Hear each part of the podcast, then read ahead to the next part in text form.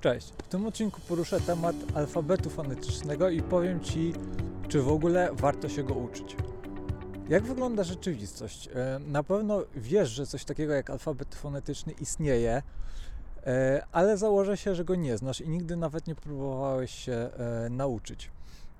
Nauczyciele albo w ogóle z niego nie korzystają, a jeśli już, to w tak minimalnym stopniu, że że w zasadzie nie, nie da się nic, e, nic z tego wyciągnąć. Możesz napisać w komentarzu, jak to wygląda w Twoim przypadku. Jeżeli chcesz zapisać sobie poprawną wymowę jakiegoś słowa, to masz tak naprawdę dwa wyjścia. Możesz skorzystać e, albo z alfabetu fonetycznego, albo możesz napisać sobie tą wymowę po polsku. Tylko tutaj problem jest taki, że to nigdy nie będzie taka sama wymowa, e, na jakiej nam zależy. Więc jaka jest moja rada? Moja rada jest taka, żebyś poznał ten alfabet fonetyczny, ale tylko trochę, w stopniu absolutnie podstawowym. Nie musisz uczyć się e, całego nazewnictwa, podziału samogłosek na różne grupy i tak. Nie musisz uczyć się transkrypcji każdego nowego słowa, którego się uczysz. To nie o to tutaj chodzi. Chodzi o to, żebyś poznał absolutne podstawy i na początek zapoznał się z, e, z podstawowymi e, fonemami, z podstawowymi dźwiękami danego języka. I to na pewno Ci bardzo pomoże i uświadomi Ci wiele rzeczy.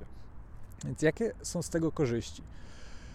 Jeżeli znasz e, alfabet fonetyczny, choćby w stopniu podstawowym, to dajesz sobie szansę na to, żeby nauczyć się dokładnej wymowy. Jeżeli zależy Ci na tym, żeby, żeby mówić tak, jak mówią native speakerzy, to, y, to bez alfabetu fonetycznego będzie to bardzo trudne. Po drugie, uświadamiasz sobie, że w innych językach niż polski istnieją inne dźwięki. I ludzie bardzo często o tym zapominają i mówiąc w obcym języku, używają tak naprawdę tych samych y, dźwięków, których używają po polsku, a przecież nie o to tutaj chodzi. Kolejną zaletą jest to, że dajesz sobie szansę na mm, wyeliminowanie polskiego akcentu i dajesz sobie szansę na to, żeby zbliżyć się e, do wymowy takiej, jaką mają native e, speakerzy. I na koniec, jeżeli w przyszłości zdecydujesz się uczyć innego języka, to y, te podstawy alfabetu fonetycznego, które już znasz, bardzo ci pomogą, bo ten alfabet jest y, uniwersalny.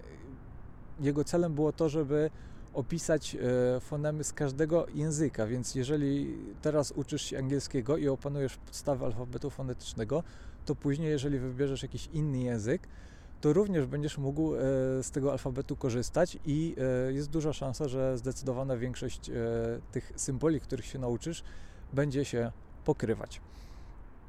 Jeżeli uczysz się języków obcych i interesuje Cię taka tematyka i chcesz w przyszłości dostawać podobne porady, to subskrybuj ten kanał.